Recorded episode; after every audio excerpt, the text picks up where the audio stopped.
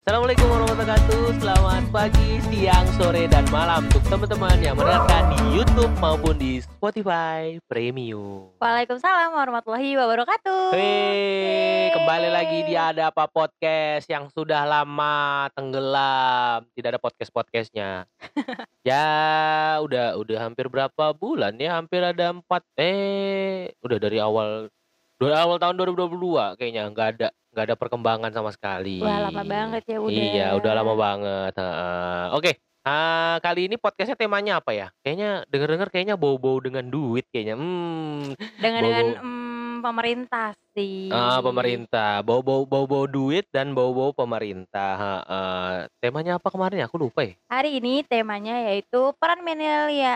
Peran Kamu sendiri aja lupa apalagi aku. Aku. Ya, ya, ya, coba, coba. Peran milenial dalam meningkatkan pajak di era digital. Nah, itu. Kita sebagai anak muda juga harus tahu ya, bayar pajak di era digital itu sekarang udah enak ya.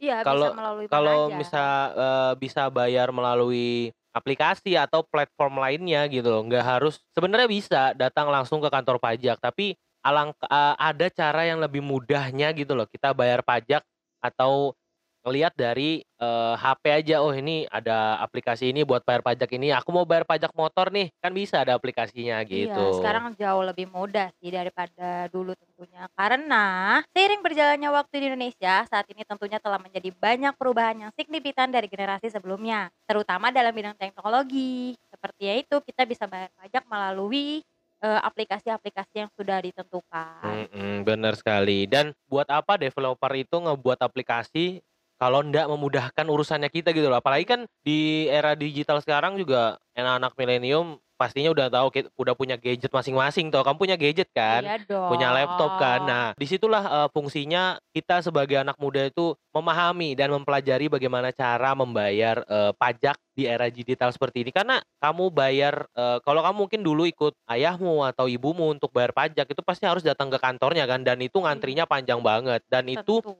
Kalau bisa dibilang dalam kata artian eh, paling tidak setengah tujuh lah, setengah tujuh atau jam tujuh pagi udah di sana kan. Baru bukanya baru jam 8 tuh. Nah, bener. Dan kayak gitu-gitu juga ngantrinya lumayan gitu. Apalagi yang sibuk sama kerjaan. Gak ada waktu sih Nggak ada buat waktu. orang-orang yang kerja di kantoran. Heeh, mereka kerja 8 jam sehari terus izin gitu kan. Tahu-tahu ada meeting atau apa kan kan nggak mungkin. Nah, makanya di era digital yang sekarang ini Pak untuk pembayaran terkhusus pajak itu dipermudah dengan aplikasi juga gitu. Iya, jadi eh, udah dapat diartikan nih kalau pajak di era digital ini merupakan pajak atau perusahaan yang memanfaatkan teknologi internet. Mulai dari penyediaan konten digital, sosial media, hingga transaksi perdagangan barang atau jasa melalui sistem elektronik yang selanjutnya disebut e-commerce. Nah, benar benar benar. Dan di era digital sekarang juga apa sih yang nggak a- nggak ada gitu loh ya. Ha- Semua gampang banget didapatkan. semua semua ada mulai dari pembayaran ini pembayaran itu kita transfer udah bisa dari HP doang loh nggak harus ke Iya. ATM ke ATM bisa cuman bagi yang rumahnya jauh dari ATM pun mending pakai HP aja m banking kah atau apa bayar pajak kan juga bisa bayar Iya. tagihan dan lain-lain gitu kalau dibilang susah sih enggak ya cuman tergantung dari user masing-masing ya Eh, Kalau untuk milenial mungkin itu gampang ya bagi kita untuk melakukan Iya. pembayarannya Ah, melalui bener. teknologi. Cuma kan untuk yang yang berumur iya untuk yang atau yang umur empat berumur ya untuk eh, orang tua orang tua yang nggak kita ngerti teknologi lah Iya.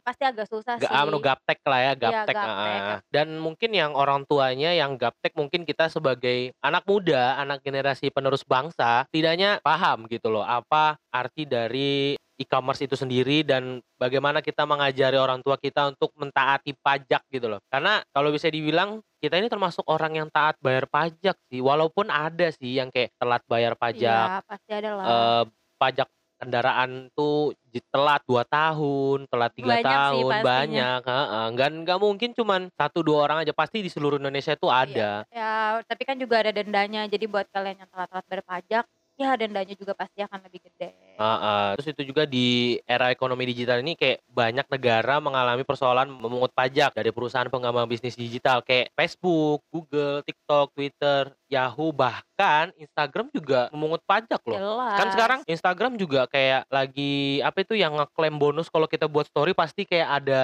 klaim berapa duit gitu loh. Iya iya iya. Heeh, di story gitu kan kayak dapat Insight insight. insight-nya itu, eee, berapa gitu 60.000 kan 45.000 Kayak kan gitu kan pasti dipungut pajak. heeh, bener. Apalagi TikTok, itu Ya, pajaknya TikTok itu juga lumayan. Kalaupun TikTok masih menang YouTube deh kayaknya. Iya sih. Kalau YouTube kayaknya AdSense-nya itu untuk YouTube sendiri itu AdSense-nya banyak, tapi untuk pajaknya ya nggak tahu berapa ya, karena semua globalisasinya yang pajak, eee, untuk di dunia maya tuh kalau ndak Facebook ya YouTube gitu, gitu loh. Kalau untuk TikTok sama Instagram ini kan maksudnya masih terjun di dunia yang baru kan, masih baru-baru aja gitu loh permainan mereka gitu loh. Iya iya Nggak sampai menonjol kayak mbah Google, You eee, YouTube, bah bahkan Facebook gitu. Terus digitalisasi juga berpotensi kayak meningkatkan pertumbuhan ekonomi loh. Di sisi lain potensi pajak di sektor digital juga cukup besar ya, sehingga pemerintah sebuah negara perlu menangkap peluang itu gitu. Jadi dari sisi kita juga taat bayar pajak nih, tapi di sisi pemerintah itu perlu menangkap peluang itu. Paham nggak sih maksudnya? Kurang sih. Kayak ya kayak kita buat konten di TikTok. Kita Heeh. ini sebagai pemerintah lah, istilahnya kita buat TikTok, tapi kita ini pemerintah, anggap aja pemerintah lah kita ini. Eee, kita buat konten TikTok yang eee, tentang, eee, masak nih. Hmm. Nah, eee, potensi kita apa, eee, bukan bukan anu sih, kita ini pemerintah tapi ada orang sorry sorry, ada orang yang buat konten, eee, tentang masak nih, dan itu udah dilihat berjuta-juta views dengan respon yang positif dan insight yang tinggi gitu loh. Jadi kita sebagai pemerintah melihat peluang itu. Kalau menurut aku ya, peluang yang dilihat dari pemerintah itu mungkin dari dari viral-viralnya video. Jadi edukasi yang diberikan oleh pemerintah tentang pajak ini bisa melalui dari media-media itu, media sosial itu. Jadi kayak Heeh. dari TikTok, Iya. dari YouTube, dari Instagram. Jadi para generasi milenial ini Heeh. bisa melihat atau bisa mendapatkan edukasi tentang pajak. Karena mungkin Mhm. untuk orang-orang yang masih tidak tinggal di kota, Masih awam lah ya, ya masih awam jauh dari hiruk pikuknya kota, Iya, heeh. mereka mungkin kurang paham. Lagian Mhm. juga kan kalau di sekolah nggak semua tentang bahas tentang pajak. Iya, dan pajak pasti ya hitung-hitungan juga kan ya Hmm. masuk di sekolah program keahlian anu ya, manajemen ya, akut Iya, ak ekonomi sih. ekonomi, heeh. untuk SMA mungkin ada di bidang ekonomi Iya, ya. IPS ya? IPS nggak sih? Bener nggak sih? Iya, IPS, IPS ya, benar benar. bener ya. Dan itu juga kayak dan sekarang juga banyak ya anak-anak muda yang masuk di program keahlian kejuruannya itu yang kayak administrasi perkantoran. Administrasi perpajakan ada dong. Iya, administr anaknya kan administrasi perkantoran kan, SMK Iya. kan, heeh. Terus, eee, apa, eee, manajemen di anu ya, di kuliahan ya? Kuliahan Kuliahan, ada. nah, Dan di manajemen. kuliahan juga ada administrasi perpajakan ya. Heeh, dan itu juga kayak sekarang mungkin lagi naik daun kayaknya ya sistem man apa, Admis manajemen iya, ya. lagi naik daun sih. Manajemen karena, eee, pentingnya, eee, kita ya menaati pajak itu mereka jug ada ada, eee, orang di balik layar yang, eee, mengatur semua pajak itu gitu loh.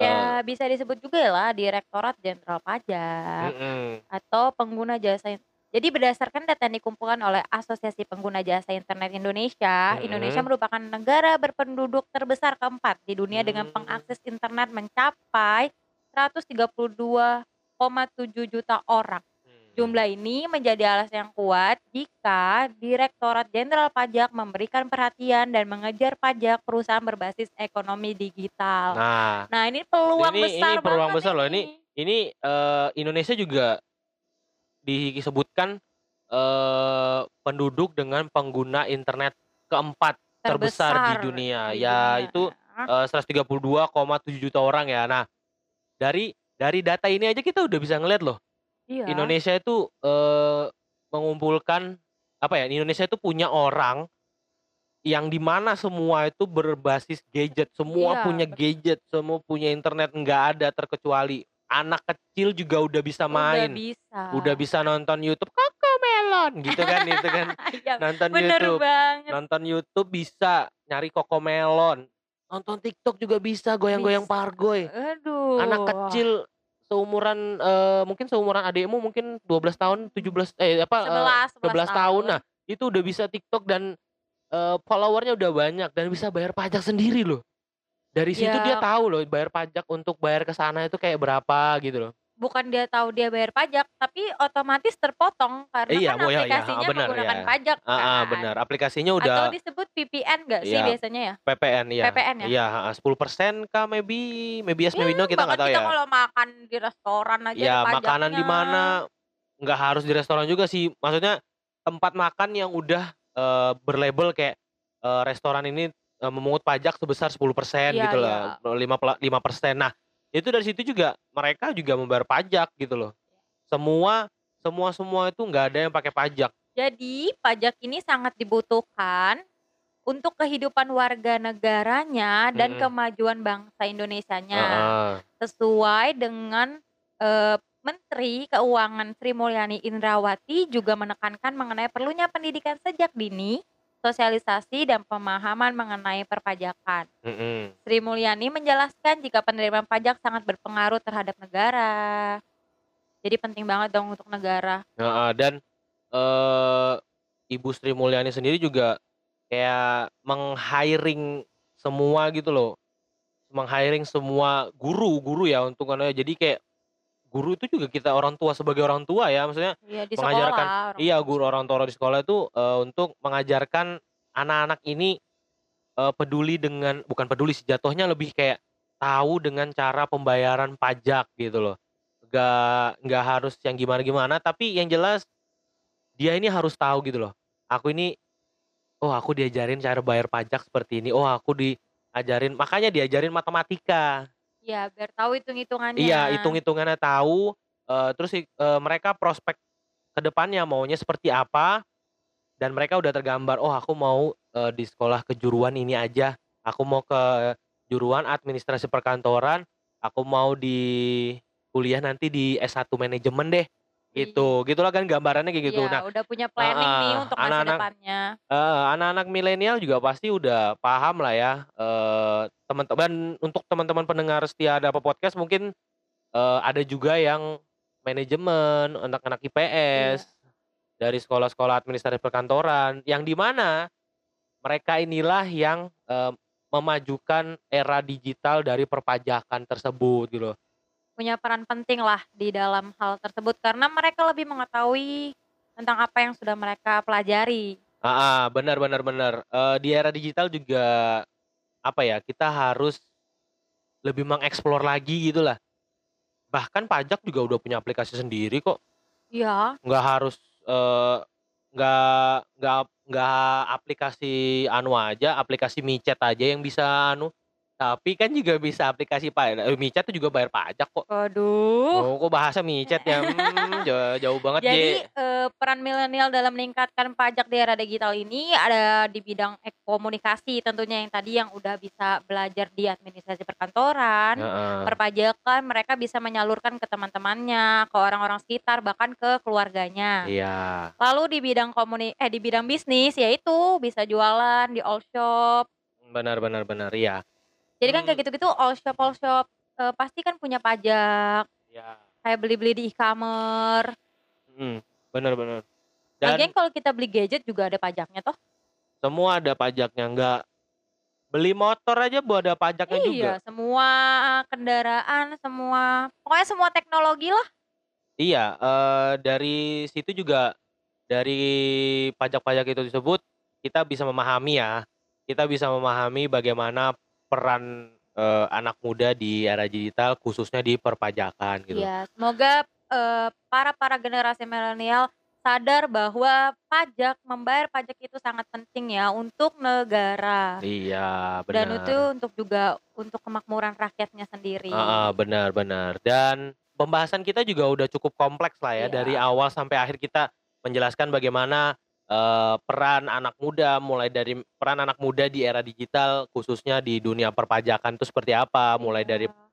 cara membayarnya, eee, mindset-nya mereka itu harus seperti apa gitu, gitu Iya, udah cukup sih. Mhm, kesimpulannya adalah di mana caranya kita membayar pajak, eee, terus itu juga kita berperan penting di era digital seperti sekarang ini Iya. untuknya khususnya untuk anak-anak, milenial di zaman yang serba digital ini ya, heeh. Jadi buat anak-anak milenial jangan lupa bayar pajak. Oke, sekian podcast dari Ada Apa Podcast. Jangan lupa di like, comment, Komen. share, and subscribe di YouTube dan jangan lupa didengarkan di Spotify, Spotify Premium. Oke, terima kasih. Saya Fariza. Saya Helin Marantika. Sampai jumpa di Ada Apa Podcast berikutnya. Dadah.